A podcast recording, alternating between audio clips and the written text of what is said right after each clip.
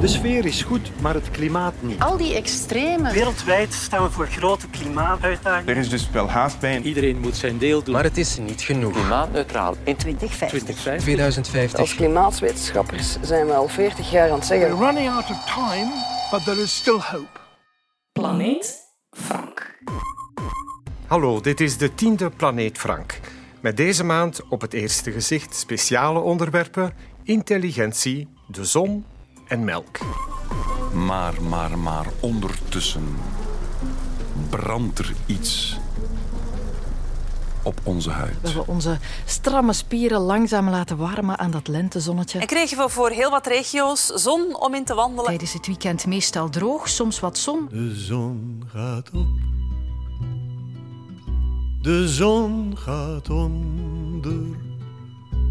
De zon gaat onder. Ja, hallo Frank. Eh, Het is hier met Rudy de Smet. Wij wonen hier in de Home. We hebben hier een eh, oude boerderij opgekocht sinds een vijftiental jaar. En hier hebben we een heel groot uitzicht. En ook hebben we, heb ik een ook goed zicht met de ondergaande zon. En ik heb de indruk dat gedurende de tijd dat we hier al zijn, dat er toch een verschil is met het opgaande zon en de ondergaande zon. Dus aangezien wij een groot uitzicht hebben, dan eh, hebben wij eh, mooie punten waar we ons kunnen op baseren. En ik heb de indruk dat de aarde ja, iets gekanteld is. Dag Rudy. De zon komt op in het oosten, bereikt in het noordelijk halfrond zijn hoogste punt in het zuiden en gaat onder in het westen. Dat komt omdat de aarde rond zijn as draait één keer in 24 uur. En tegelijk draaien we ook rond de zon met een periode van één jaar. Als de evenaar nu in het verlengde zou liggen van het vlak waarin we rond de zon draaien, dan was het eenvoudig. Elke dag van het jaar zou de zon dan pal in het oosten opkomen en ondergaan in het westen. De dag zou 12 uur duren, de nacht ook 12 uur. Maar zo eenvoudig is het niet. De as waar rond de aarde draait, de poolas, staat niet loodrecht op het vlak waarin we rond de zon draaien. Die aardas is gekanteld, iets meer dan 23 graden. Hij wijst altijd naar eenzelfde punt aan de hemel, waar toevallig een vrij heldere ster staat, de Poolster. Van september tot maart is het noordelijk halfrond van de zon weggekanteld. Weinig dag, veel nacht. De zon staat 's middags laag boven de horizon. Het is de winterperiode. Het omgekeerde speelt zich dan af tussen maart en september, met als hoogtepunt de maand juni. Dan is er bij ons meer dan 16 uur daglicht en staat de zon in het zuiden op een hoogte van maar liefst 62 graden. Als je gedurende een jaar van op dezelfde plaats kijkt naar de zonsopkomst en de zonsondergang, zal je snel zien dat de zon niet altijd op dezelfde plaats aan de horizon opkomt en ondergaat. Logisch, want 's winters legt de zon maar een kleine booglengte af boven de horizon. In de maand december komt de zon op in het zuidoosten en gaat ze onder in het zuidwesten. Na 21 december zal je zien dat de zonsopkomst dag na dag opschuift naar het oosten. De zonsondergang neigt dan meer naar het westen. En dus kan de zon dag na dag opnieuw in het zuiden hoger klimmen aan de hemel. En dan de hamvraag: kantelt en wobbelt de aardas? Het antwoord is ja. Een tolbeweging met een periode van 26.000 jaar, de precessie. En de kantelingshoek wisselt tussen 22 en 25 graden met een periode van 41.000 jaar. Het verandert dus langzaam. Heel langzaam. Uiterst langzaam. Als je terugkomt in het jaar 3000, is de begindatum van de verschillende seizoenen enkele dagen opgeschoven. Maar zo lang leef ik niet. Samengevat, de plek aan de horizon waar de zon opkomt of ondergaat, verandert in de loop van het jaar als gevolg van de seizoenen. En binnen enkele duizenden jaren zal dat een ietsje anders zijn.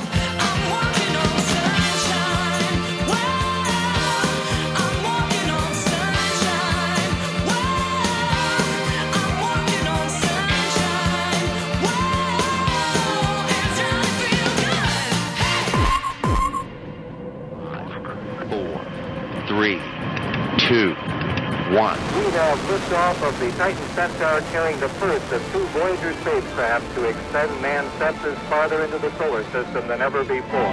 Astronomers think it's only a matter of time before some alien life forms are discovered. Zijn wij alleen? My feeling is that to guess no, we're not. That there are billions of habitable planets in our galaxy alone. Hallo, ik ben Sinne, 7 jaar. Ik voel mij af, het heelal is oneindig groot. Zouden wij de slimste wezens van dat heelal kunnen zijn? Een slimme vraag, Senne. We hebben heel lang gedacht dat wij het middelpunt van het heelal waren. En geleidelijk aan werden we nietiger en minder belangrijk. De aarde stond niet centraal, de zon was maar een kleine ster in de Melkweg en er zijn vele miljarden melkwegstelsels. Maar zijn er veel planeten in het heelal? In 1992 pas ontdekten we een planeet rond een andere ster. En dan ging het snel. We hebben nu al weet van duizenden andere planeten. Kleine, grote, koude, warme, heel veel variatie. Men schat dat er in onze Melkweg alleen al miljarden planeten zijn. En een miljard is een heel groot getal.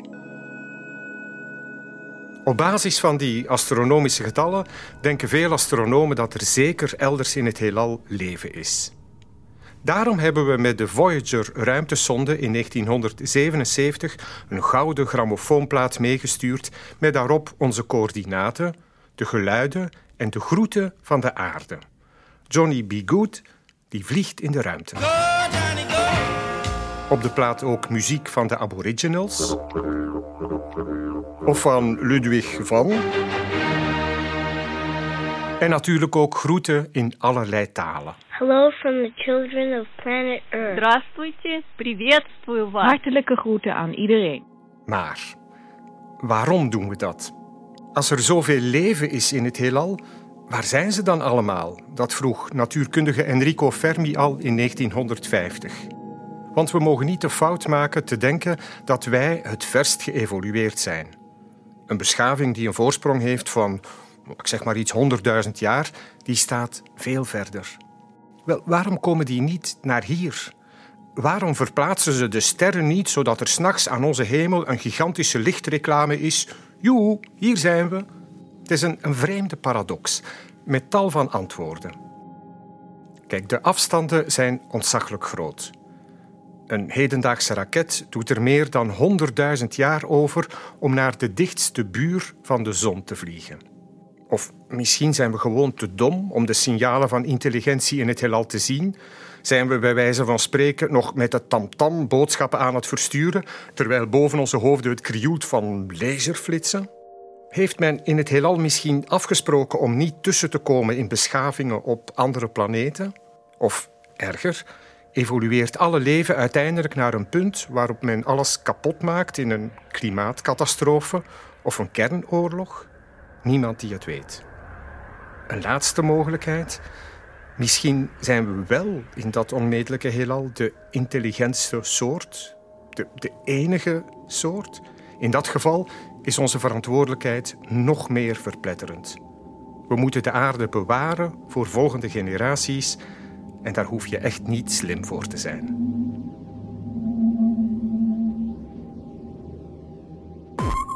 Milke, melke, mol. Karwitsel, karditsel, kardo. De melkboer die van deur tot deur trekt, is geschiedenis. Soja, melk, haver, melk, amandel, melk. Melk wordt bij ons al sinds de jaren 60 gepromoot via de Melkbrigade. Dag Frank, ik ben Mirte en ik woon in Leuven en ben sinds een klein jaartje vegan voor het klimaat. Ik heb ondervonden dat het niet zo'n makkelijke zoektocht is naar klimaatbewuste voeding zoals melk of zuivelvervangers in het algemeen. Ik koop momenteel biologische sojamelk en de verpakking meldt dat die soja uit Europa komt. Maar wat met andere vervangers zoals havermelk of andere producten zoals rijst en exotisch fruit? Dag Mirte, ik vraag het meteen aan Charlotte Janssens. Zij is researcher aan de afdeling bio-economie van de KU Leuven en gespecialiseerd in de klimaatimpact van voedselproductie. Ja, Charlotte, uh, waarom is melk in feite zo belangrijk? De uh, productie van melk en, en, van vlees heeft een belangrijke milieu-impact. Uh, dus als we kijken naar de uitstoot van de Europese Unie, dan is 10% daarvan gerelateerd aan veehouderij en twee derde is de rund- en zuivelsector. Um, mm -hmm, En, en uh, het is belangrijk voor ons mensen om, om melk te drinken, want uiteindelijk wij zijn denk ik het de enige organisme dat melk drinkt van een ander organisme. Uh, ja, inderdaad. Zuivelconsumptie wordt uh, sterk gepromoot, bijvoorbeeld omwille van um, gezondheid van de botten via calciuminname en dergelijke. Mm -hmm. Maar de studies die daarover gedaan worden, over wat juist een gezond dieet is of, of niet, um, daarin kan zuivel een plaats hebben. Het hoeft niet per se. Maar de consumptie van uh, vlees- en zuivelproductie in Europa is meer dan de aanbevolen grens. Dus eigenlijk eten we daar momenteel een beetje te veel beetje van. te veel van. En als we dan kijken, één liter melk, als we dat willen produceren, hoeveel uh, landoppervlak hebben we daar gemiddeld gesproken voor nodig? Gemiddeld wordt dat geschat op zo'n uh, 9 vierkante meter voor een liter melk. Uh, en dat is gelinkt aan de productie van dus het veevoer uh, dat je nodig hebt voor ja, ja, ja, de koeien. En, en, en, hoeveel water is er nodig voor één liter melk? Daar, de verschillen zijn sterk uh, verschillend ja, tussen de verschillende regio's. Dus globaal gemiddeld is dat meer dan 1000 liter voor een liter melk. Uh, maar in Europa um, zijn die uh, methodes wel een pak efficiënter, maar is het nog altijd meer dan 500 liter uh, water dat je nodig hebt dat is, voor dat is 1 veel. liter melk. Ja, ja.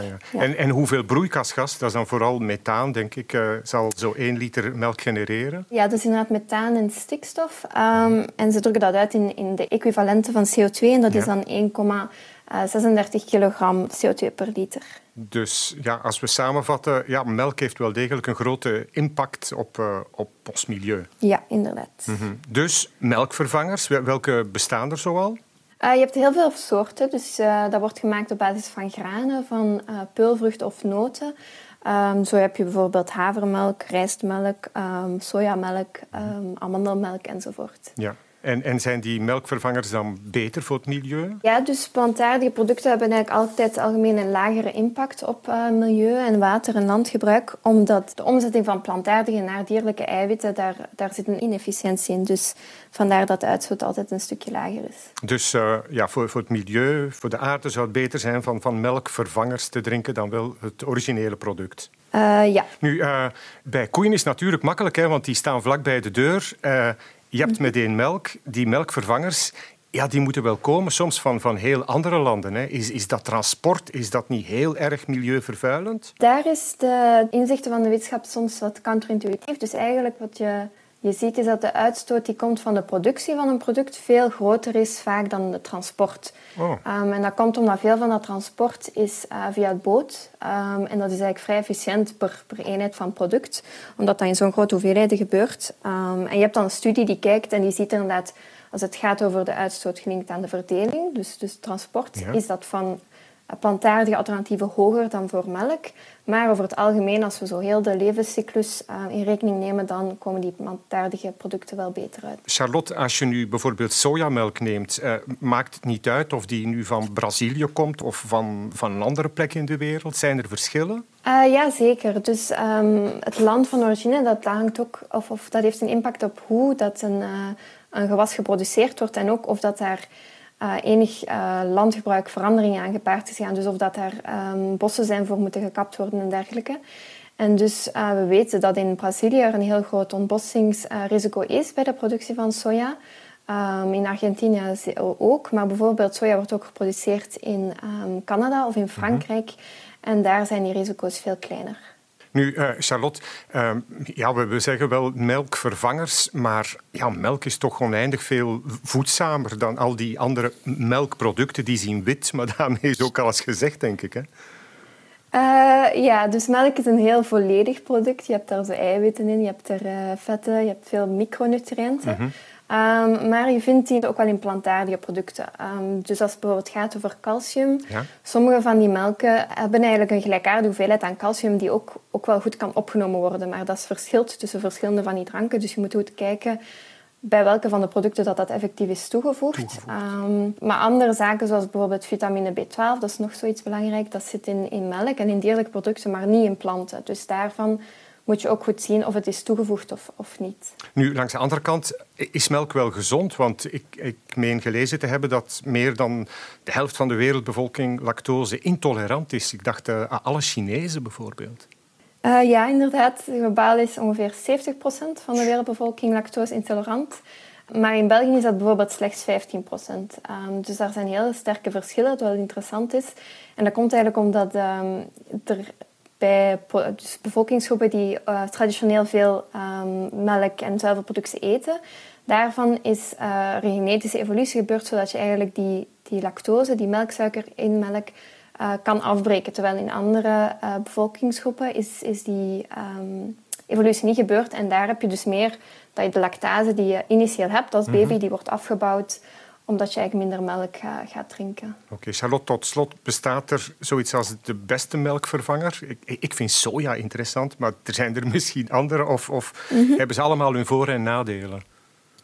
Uh, de beste, dat weten we nog niet zo goed. Uh, maar er zijn wel trade-offs. Uh, zo noemen we dat dan bijvoorbeeld Um, als het gaat over waterverbruik, dat is veel, sterk, veel groter voor um, noten dan voor graan- en oliezaden. Mm -hmm. Dus eigenlijk de watervoetafdruk van een liter amandelmelk is een pak hoger dan sojamelk. Uh, maar dan als we kijken naar broeikasgasemissies, mm -hmm. um, dan is dat voor soja soms een beetje hoger dan voor amandelen. Dus de, ja, het hangt er wat van af. En het is belangrijk dat producenten uh, duidelijk zijn en transparant zijn in hoe um, dat hun keten eruit ziet en hoe dat hun grondstoffen geproduceerd worden. Maar gemiddeld gesproken kan je dus wel stellen dat melkvervangers echt wel een waardig alternatief en een beter alternatief zijn voor uh, de aarde, voor het milieu, voor uh, de broedkas. Ja, inderdaad. En zeker omdat onze, onze melkconsumptie en onze vleesconsumptie moet naar beneden. Dus um, dat is een goed alternatief. Alright, Charlotte. Ik moet nu zelf nog van die kaas zien af te geraken, want die vind ik zo erg lekker. Hè? Enfin, goed, niet aan te doen.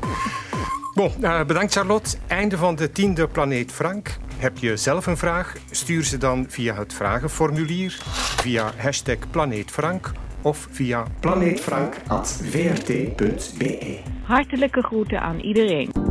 Dit was een podcast van vrtnieuws.be. Meer op de podcastpagina van vrtnieuws.be of via de podcast-app op je smartphone.